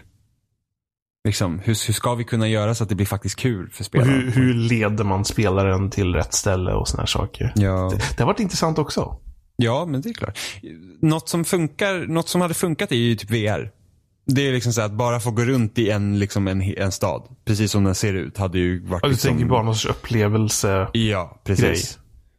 Precis, det hade ju typ varit oslagbart. Det hade varit, jag tror att det hade varit riktigt Det känns, det fantastiskt. känns som att VR fortfarande är fast i det träsket. Att det liksom Alltså- fortfarande är någon sorts upplevelse. Alltså, ja, mm, här kan du få kolla hur det ser ut på den franska rivieran. Ja, Ja, okej. alltså jag har, ju, jag har ju PSVR. Och jag har liksom inte spelat på den, nu är det säkert typ ett år sedan jag spelade på den. Det var typ Star Trek med Capus. Jag, har, jag har en Gear VR. Så jag kan sätta min, min, min Samsung-telefon i. Hur fungerar det? Jag har ju inte spelat något annat, men jag, det, det ser väl helt okej ut. Eh, De har ju till och med, mm, Oculus till och med kommit med ett VR-headset nu som är motsvarande upplevelse som en Gear VR att sätta telefonen i. Fast det har allt inbyggt, inklusive liksom som en sorts telefonhårdvara i nästan. Aha. Eh, Ja, det, det är bra. Det är bra att det sker utveckling där, för jag tror verkligen på VR. Men, Och jag, det, måste, det måste vara, för den tror jag skulle kosta 200 dollar. mm, Och det är ju ganska lågt. Det är ju runt 2000 spänn. Eh, ja, alltså det, ja, det, och, du det behöver, betyder- och du behöver bara den. Du behöver en telefon, du behöver en dator, du behöver inte ett PS4. ja, det är en mycket vänligare inkörsport. Ja. Jag, jag tror att det, det, det är där det gäller. Ehm, för bara en sån sak som att få folk att utveckla till det. För att vem, varför ska man utveckla VR-spel när det, det när hårdvaran är så dyr så det är ingen som köper den? ja, men det är så bökigt. Alltså, det är typ största anledningen till att jag inte orkar ta fram min PS4 eller PSVR. Det är för att det är för bökigt att hålla på med alla de sladdarna. Mm. Eh, det är, och sen så jag, jag känner liksom, jag, jag har inte riktigt vågat köpa något spel. Det är så här, ja, alltså, är det bra för att det är VR eller är det faktiskt bra? Vet. ett, ett spel som jag är sugen på att testa det är ju det här uh, bombspelet. Och han sitter med en instruktionsma- äh, instruktionsmanual. Det är helt fantastiskt. Alltså, För, det är för, faktiskt för, riktigt för bra. det, det finns till GVR också. Så det, Mm. det skulle jag kunna testa. Ja, men det, det är faktiskt det är helt fantastiskt. För att det är liksom så här, man, man, man känner sig lite så här smått så här panik när man sitter i det rummet med, med liksom, man på sig headsetet och så bara, alltså, och, och, och det börjar gå åt helvete och så har man någon bredvid sig som försöker läsa manualen och hitta rätt liksom, lösning. Och man bara, okej, det liksom piper här, nu kan du liksom skynda dig. Så det, är- det, är, faktiskt, det är faktiskt fantastiskt. Så VR är jättehäftigt, det är bara det att tekniken är väl inte riktigt där än för att det ska vara liksom enkelt. Det var ju Och sen får jag ont i huvudet. Ja, det får jag också. Jag har typ testat så här, typ så här, bara testat lite snabbt, typ så här, kolla på typ Netflix typ så här. Mm. Så man sitter i en soffa. Men jag fick jättefort ont i ögonen alltså. Nu har För jag det- glasögon så att, eh, det har jag, jag har inte provat sen jag fick dem. Men jag, jag, för jag, jag tycker det är jobbigt hur som helst det här med typ att eh, ö, det känns som mina ögon blir jätteförvirrade vart de ska fokusera någonstans. Eh, för att det, det är som att ögonen fattar inte liksom att egentligen så är det man ska fokusera på är ju typ bara några centimeter, eller millimeter ifrån ögonen. Mm. Men på samma gång så ser du att du sitter tre meter ifrån en tv i en värld. Så liksom så här, det känns som där för mig så blir det ett problem. Så att mina Mm. ögon börjar typ säga ont. Um, ja, nej, VR. ja, Ja. Är det, ja, nej, men det, det ska bli kul. Alltså, jag känns lite som att den här VR-hetsen som var typ för typ två, tre år sedan, den är liksom blå. Alltså jag hör knappt någonting om VR längre. ja, det var ju så konstigt nog också när det kom ett, ett nytt Vive-headset. Det är ju det Steams eh, Mm. variant då. eh, till PC. Och som heter typ Pro eller någonting sånt där. Och Är, är inte det som är trådlöst? nej, det är det inte. Men det är bara en sladd istället för typ så här 2000 miljoner sladdar ifrån det. Ehm, I alla fall så var det typ att frågan är om det var dyrare än det gamla headsetet. Mm, Och handkontrollerna följde inte med i det priset. Usch. Och inte de här, för den så har man ju, man har ju någon sån här typ um, Det typ Lighthouse någonting. Det är så här lådor som sitter på tre ställen i rummet. och Ja, sånt just där. det. Precis. Typ stavar. De följde heller inte med. Nej, men varför släpper man något sånt då? Ja, det, var, det var typ så här om man vill uppgradera det man redan hade eller någonting sånt där. Och sen så visade det sig att det kanske var typ mest för att det var mycket typ mer robust. Så det kan vara typ för mer, mer typ så här upplevelsecenter. Typ som en um, arkadhallar för VR typ så här. Att det var typ mer robust. Att det var typ micro 3D och bara varför. Och... Ja, alltså så det hände ju inte så mycket.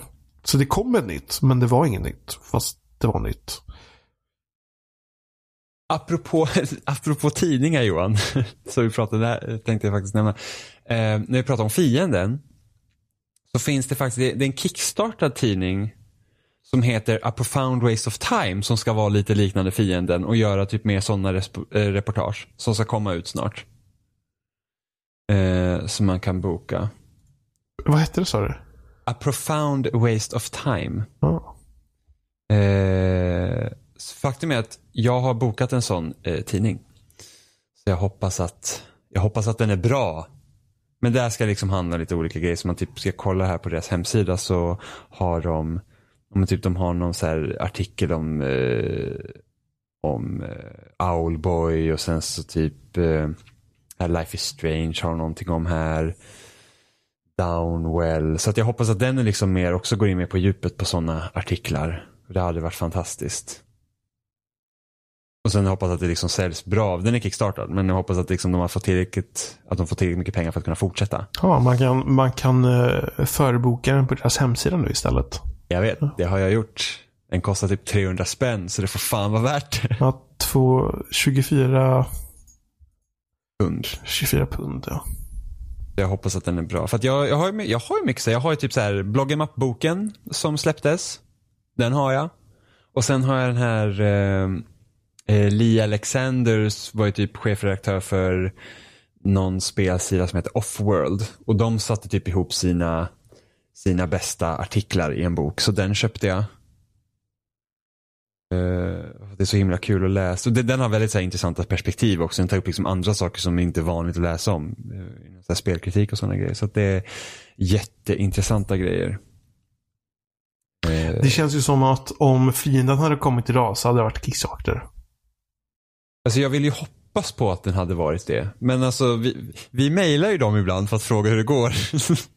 Och eh, enligt, enligt eh, de svaren så är det fortfarande, alltså det, planen är fortfarande att släppa någonting, eller hur? Ja. ja. Men alltså det är jättekonstigt för de pengarna är ju borta. Så, alltså, så att skulle de göra det idag så är det ett gratisprojekt. På riktigt. Ja, men det var, det var redan, eh, det var jo, typ redan gratisprojekt då också. Grat, jo, precis. De tog inte ut någon lön eller så. Det Nej. var liksom, de, de, de hade, behövde pengarna för typ tryck och sånt där. Ja. Det, men idag, de pengarna är förmodligen borta. Så de, nu har de inte ens pengar till det. Men jag kan ju tänka mig att alla prenumeranter får tryckt. Och sen ska jag kunna tänka mig att de typ kör eh, en, eh, alltså, en e-boksutgåva. För då, jag tror att mycket, alltså idag är så här plattor och sånt mycket vanligare. Så att, att, köpa, att köpa en sån tidning på, på en iPad hade ju säkert gått hem mycket bättre också. Så jag prenumererar ju på Edge nu via min iPad. Eh, så att jag får även den tidningen. Ja, jo, jag, jag mejlade dem 15 januari. Fick mm. svar 24 januari från Johan Martinsson. Ja, men det är, nej, inte Johan Martinsson, inte, det är Carl Johan Johansson måste han heta som jag tänker ofta nej, på. Men Johan, Johan Martinsson. Johan Martinsson är också bra. Ja, ja men det är Johan ja. Martinsson som... Mm.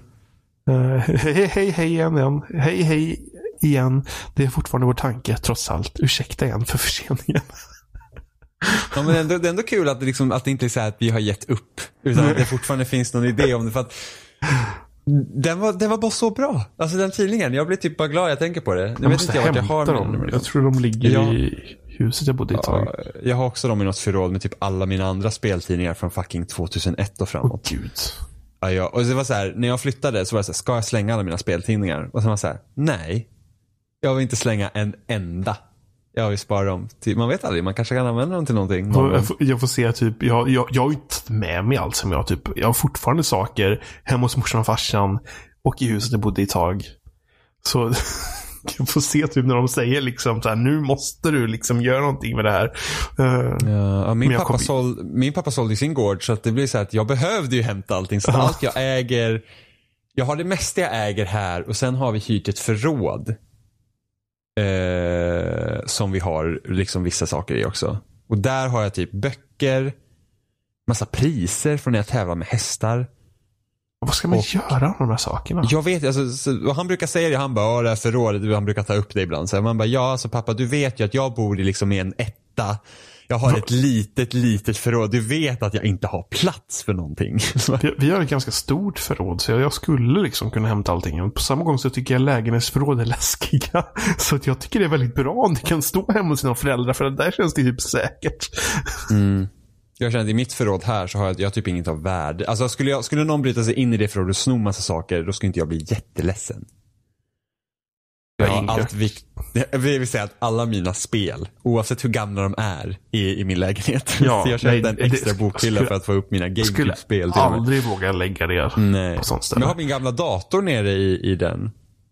Men den, men den, den, den är ju skruttig så det, det är ju liksom ingenting. Nej men jag typ jag lagt den där som bait. Så man bara såhär, haha, någon snor min, någon snor min kassadator som inte har någon hårddisk i sig, ägd. Går knappt igång liksom. Jag inte om det syns en PS4-låda i vårat förråd kanske. Jag har inte ens mina, jag har mina konsollådor har jag också faktiskt i, i, i, en, i en garderob här. Det låter klokt. Det är ett, det är ett för farligt uh, Ja men precis, då vet man så här, det, det värsta är att man kan ja, nu ju faktiskt... nu, nu blir jag sugen på den här uh, tidningen. Jag vet, det var ju så här, jag bokade den på en gång när jag såg den. Jag hade egentligen inte råd, men uh, what gives.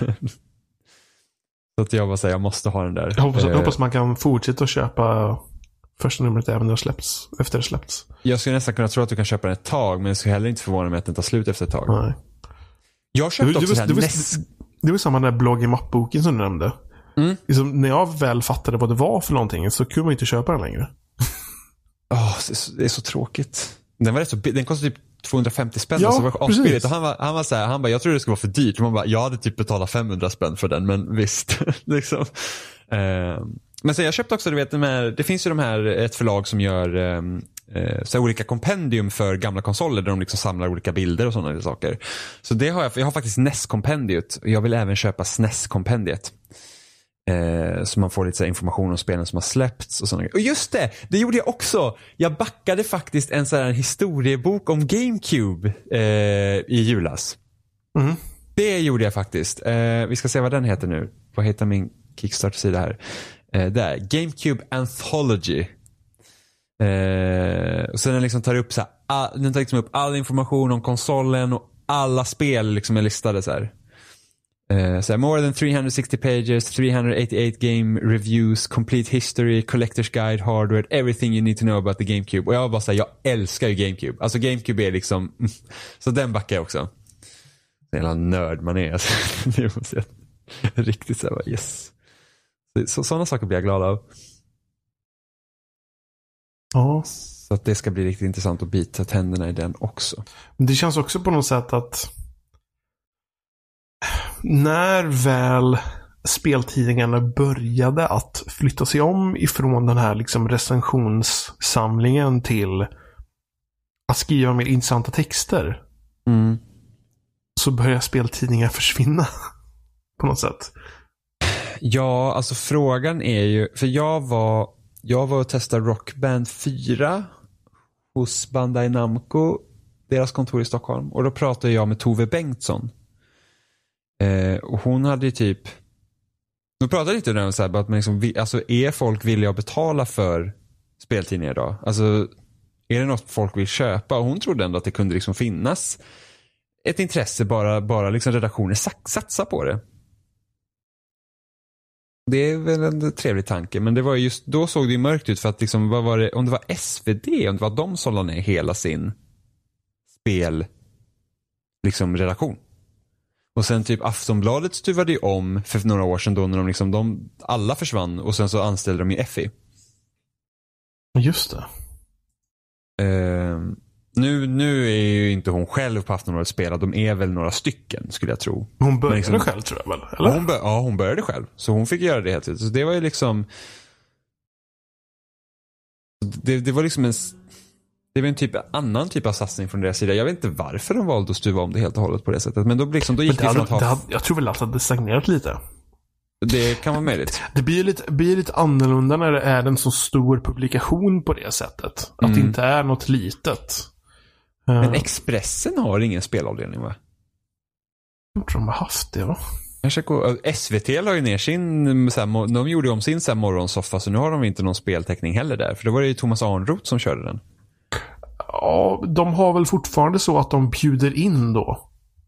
Eh, d- Det här, de har ju den här morgonsoffan, vad den nu heter, TV-studion eller morgonstudion eller vad den heter. Eh, och så bjuder de in då en person liksom för varje tillfälle typ. Ja okej, typ när, men istället för att ha det veckovis så är det typ bara, ah, nu händer något ja, stort. men nu, typ. vi, ja, precis. vi behöver förstå Fortnite. Ja, förklara det för oss. Det är, typ, Ah, okej. alltså, det är jättetråkigt. Alltså SVT har gått ifrån att vara någon typ av eh, morgonsoffan-grej liksom, där de faktiskt liksom pratade om saker till att de har ju gått över till att vara en, alltså det är en rak kopia av typ Aftonbladet TV. Vad konstigt. Fast kanske lite bättre än det. Men alltså, men det är liksom, de står bakom en bänk. Nej, vad trist. Afton, Aftonbladet TV känns ju mycket som det här typ, om man ser typ CNN och de här, de har typ Ja. debatt när de pratar om nyheter, så här helt galet typ. Och De, de, alltså Aftonbladets format är typ, de står bakom en bänk. Det är typ en eller två personer som är från Aftonbladet. Sen är det typ en eller två personer som är någon sorts inbjudna experter. Expert. Ja. Och det- SVT har ju kört det formatet rakt av. Uh, vilket är jättekonstigt för att TV4 kör ju fortfarande det här uh, morgonsoffan-aktigt formatet. Och jag tror inte att de har tänkt att byta ut det. Ja, och där, och där har de ju Finn som spelexpert. Hon är väl där i alla fall ett par gånger i veckan. Eller ja. en gång i veckan åtminstone. Mm. Hon, hon pratar väl både prylar och spel va? Ja, precis. Hon är väl typ mer såhär tech. Ja. Eh, allmänt tror jag, men det är ju ändå mm. mycket spel. Ja. Det var inte så länge sedan de pratade om lag och sådana grejer tror jag. Nej, så det... Ja. Det är ändå rätt så kul. Liksom, liksom alltså, för att... alltså det är inte, vi, vi pratade om det förut, liksom det här um, hur spelmedia har förändrat sig och så liksom, eller eh, olika typer av media, kulturmedia kan man kanske säga, mm. eh, har förändrats. Men även liksom media överhuvudtaget har ju förändrats jättemycket. Och sättet vi konsumerar media på. Vad skulle du säga om Fenima förresten? Jag kommer inte ihåg längre. Det, det, var, helt, det, det var helt bort från mig Jag kom på att jag avbröt dig. Det är den här som är den fascinerande saken när vi pratar över internet. Ja, och inte ser varandra. Och inte ser varandra. Egentligen så borde vi sitta med webcams. Och typ så att det ja, fast då är det ju fördröjning där också. Men är det så stor fördröjning? Ja. Vet att Total Biscuits podcast, de spelade ju alltid in så att man kollar på deras YouTube-kanal så kunde man liksom se någon satt och snacka med varandra. Liksom så Skype-fönster. Men alltså, vi, hade inte, vi hade inte gjort så, vi hade inte gjort en video så. Utan vi hade, men det hade kanske kunnat hjälpa oss när vi sitter och snackar. Där, det finns många, många år i framtiden av spelsnack. Så vem vet, webcams kanske blir bättre också. De har blivit bättre. Uh. Ja, gud Jag kommer ihåg min första webcam mot den jag har nu. Det är liksom dag och natt. Det var typ en jävla mobilkamera den första ju. Så man såg typ ingenting. Det var pixligt och grejer. Ja, men det roliga idag är ju inte en mobilkamera ett dåligt eh, Nej. en komplimang heller. Nej, mobilkamera är bra. Faktiskt. Herrejösses. Men alltså då borde ju ha så här, alltså, man tänker så här att det finns ingen så här spelkritiker på tv som det finns filmkritiker på tv. Eller boklitteraturkritiker. Fast, fast de, har, de har väl bör, alltså det är ju samma sak. Alltså SVT hade typ den här bokkritikern de tog in varje vecka. Och så hade de eh, den här filmkritiken. Ja, de har, de har liksom, allt det borta. Det är ju inte men bara skill... spelet som är borta. Nej, men samtidigt skillnaden mellan då det här med att när det kommer in en film eller litteraturkritiker är det att eh, de som håller liksom i showen så att säga, de förstår när personen pratar om film eller litteratur. Men kommer någon in och pratar om spel så är det inte lika stor chans att de gör det. Du, du menar att de måste gå till en mer extrem grund varje gång som de kommer?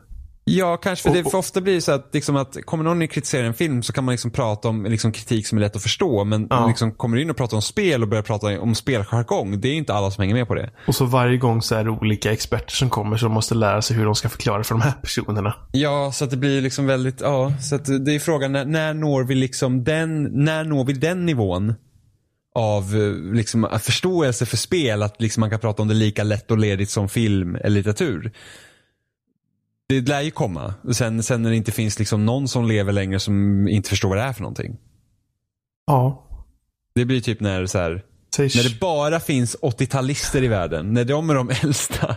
Då måste vi ha nått den nivån. Fast jag tror det räcker om man går fram ja, kanske 20 år. 20 Ja, kanske. Alltså det börjar bli mycket mer vanligt nu. Alltså sen, typ, sen om man kanske börjar sända e-sport på tv alltså, tänk liksom, alltså, bara, tänk liksom bara de här liksom Oscar-skogen det finns ute i världen. Liksom. Kallar du, kallar du Oscar gammal nu? Jag tänkte mer att han, han, är en förälder. Ja, jo men det är sant. Man tänker liksom ur, ur den vinkeln. Att det är spelare som är föräldrar idag. Um, bara det är ju liksom, där börjar du se skiftet. Uh, ja. Så jag tror inte det är liksom så långt kvar. Nej, men sen, sen tvn kanske inte har den rollen heller om 20 år. Så att liksom, jag, jag, jag, tänkte på nu så att, ja, när börjar man tv-sända e-sport? Så bara, men behöver man tv-sända e-sport? Ja, men det, det, SVT gör det redan. Gör de det? Ja. Okej. Okay. Men ingen annan gör det. Så jag, det finns ju ingen e-sportskanal för jag tror inte att det behövs. jo, du, det finns. Du, finns det? Ja, det har jag sett i mina svärföräldrars kanalutbud. Men gud, nu känner jag mig gammal. wow, vilken grej. Nej, okej. Okay. Men, det, men det är så enkelt att... Precis, du går in på Twitch eller någonting. Ja, men alltså man tänker, men, ja, men även liksom de här, jag tror att eh, de, de som finns, det är ju så enkelt bara, allt är digitalt. Mm. Så de kan ju bara pusha ut någon stream liksom så någonstans ifrån. Eller så det är, de behöver inte sätta upp liksom så här massa studios liksom. Så här, liksom. Det, det är ju enkelt bara att ha en jävla bänk, två snubbar med varsin mikrofon och sen så klipper de till en videostream som kommer någonstans ifrån. Alltså det är så enkelt att producera det här så att jag, jag, jag tror det är typ så bara typ att okej, vi kan och, och sen så är det IP-TV idag också. Mm. Så jag tror det är mycket enklare att få ut en, även om det är väldigt få som lägger energi på att få ut tv-kanaler idag, så är det enklare att få ut en tv-kanal säkert. Eh, än vad det var förr. För då var det satellit och det var marksänt och det var kabel-tv. Eh, Det är sant. så jag tror det är enklare att få ut det. Eh, Så jag tror det är säkert den som finns, det är säkert någon som har bara liksom skickat ut bara för att vara först på det typ. Eh, Men jag vet att SVT har då streamat, jag vet inte om de har gjort det på tv, men jag tror de har gjort, kanske typ så att de har gjort så här typ att de har streamat på SVT Play och sen så har de kanske kört någonting typ så här nattetid eller någonting sånt där när det inte går något annat ändå. Eh, På typ kanske tvåan eller någonting sånt där. Eh, Mm. så ja, det, det finns. Men det har vi pratat om förut också, det här med e-sport och att det är svårt att sätta sig in i sådär. Vilket avsnitt Ja. nu det är. Ja, det är inte så länge sedan ändå. Nej, det det var också bara du och jag tror jag. Förmodligen. Ja, ja men det, det är inte så länge sedan ens vi pratade om Nej. det tror jag. Nej. Jag tror faktiskt att det var det här som vi tar med den här veckan. Ja, och, och vi pratar inte om någonting av det vi hade planerat innan, vilket var typ så här, vad har du spelat? Ja, jag spelar Red Dead Redemption. så, nej precis. Ja, men det kan vi ju nämna att det ser bra ut på Xbox One X. Det gör det. Det ser faktiskt ut som en helt, det ser faktiskt ut som en, en remaster. Det, det känns som att spela en remaster när man spelar det på Xbox One X. Jag har väl påbörjat att spela det på mitt Xbox One S. Och där får man bara fördelen att eh, frameraten droppar inte ner till helvetet utan den ligger stadigt på 30 eller vad det är. Mm. Eh, Men det är väl ett ganska bra hopp upp, upp också. Mm. Så det är ju mer spelbart. Så nu har vi nämnt det också. Nu har vi nämnt det, så det var det. Var, det, var det. Vi- finns som vanligt på spelsnack.com. eh, Och där har ni länkar till de flesta ställen där ni kan hitta oss på. Eh, Jag har lagt till Instagram-länkar nu Johan. Oh! Ja, jag just det, jag har, gjort, jag har gjort så att du kan göra vad du vill. Jajamensan, så jag var inne och petade lite. Jag var så här, Instagram-länken ska vi få in på något sätt. Och det fick jag. För att, och anledningen till att jag la dit den var så här för att, Den är till och med på rätt ställe. Jajamän, jag är, jag är grym. Ja, men, men det finns länkar där. Och till och med till Instagram nu. Till och med till Instagram. På Instagram och Twitter heter vi ett spelsnackpodd. Om ni vill hitta oss. Eh, Så ni får gärna kommentera på Instagram eller tweeta till oss på, på Twitter. Ja, alltså jag brukar klippa ihop lite filmer emellanåt. Så här, små snabba bites. eh, ibland. Ja, men det, det är kul. När man har en lust. Ja, som, som när jag dog stenhårt i Red Dead Redemption. Det var helt, alltså det var, ja, det var Jag såg den innan du la ut den där. För jag såg Ja. den på Xbox när du delade den där. Jag var bara Alltså, jag var- tvungen att kommentera. Ja men det var, he- det var helt sjukt. Så att, så att i, Red Dead Redemption så var det så att man kan få hjälp av folk. Någon, liksom, det kan vara så här, eller inte De, få du, hjälp. du, du har ju de där random Ja, det är eh, någon så här, ja, random, precis när det var liksom nytt. Eh, och så var det så här, "Åh, snälla kan du hjälpa mig? Jag sa, ja men jag ändå rider förbi kan jag göra det. Och jag vet ju, jag vet ju om att det är ofta banditer bakom det där. För att jag har ju spelat Red Dead Redemption förut. Men Ja, alltså, du, du dog ju konstigt. alltså du bara jag hann precis styra dit. Du kunde inte reagera ens. Nej, och de bara "Åh, skjut honom typ. Och jag bara brrrt, bara dog direkt. Jag sa ja, ja det, det var det. Det var, det, det var helt galet. Alltså det var, alltså jag, min haka den var nere i golvet. Jag, så här, jag, tror inte vad som hände. Det har aldrig hänt mig tidigare i det spelet heller, att man på det sättet är sjukt. Det, det blir ju så komiskt också när man ser det just för det slutar med här typ. Det står bara dead va på skärmen.